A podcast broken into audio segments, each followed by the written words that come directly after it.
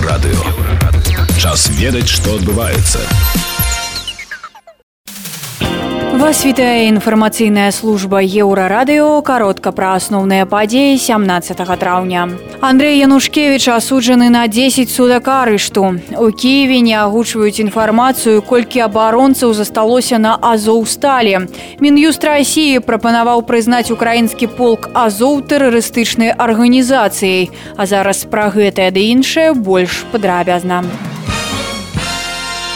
Выдавец Андрей Янушкевич асуджаны на 10 сутак адміністрацыйнага арышту. Напярэдадні яго затрымалі ў дзень адкрыцця ў мінску кнігарні кнігаўка.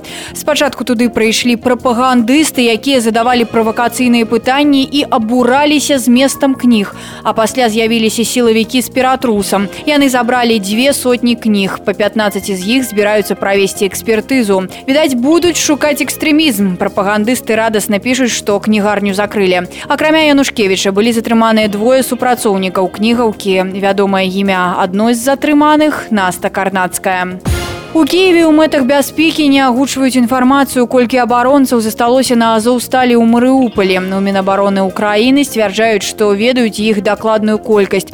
Там жа заяўляюць, што працягваюцца перамовы пра абмен украінскіх вайскоўцаў, якія выйшлі мінулай ноччу і знаходзяцца цяпер у расійскім палоне. 53 чалавекі з цяжкімі раненнямі знаходзяцца ў новаазоўску 211 з лёгкімі раненнямі у аленеўцы. Гэта украінскія гарады, якія якія кантралююцца расійскімі войскамі і фармаваннямі самаабвешчанай ДНР. Мін'юст рассіі прапанаваў прызнаць украінскі полк азоў тэрарыстычнай арганізацыі і забараніць яго дзейнасць у рассіі. Паседжанне пройдзе 26 траўня. Раней у дзярждуме выступілі супраць абмену палонных байцоў азовам. Прапанову падаў інтэлектуал Анатоль Васерман. Расійскі форбс прыпыняе выпуск папяровай версіі часопіса і яго дадаткаў з чэрвеня. Гэта звязана з эканамічнай сітуацыяй на рэкламным рынку і мы спадзяемся, што зможам аднавіць выпуск прынтам, як толькі гэта стане магчымым, патлумачыла выданне. У рэдакцыі дадалі, што пастанова прыпынення выпуску папяровай версіі не звязаная з патрабаваннямі галоўнага офіса форбс або ліцэнзіі на выпуск выдання. Улады адмовіліся даць месца для пахавання станіслава шушкевіча на ўсходніх могілках. Там хаваюць дзяржаўных дзеячаў а таксама прадстаўнікоў навукі і культуры.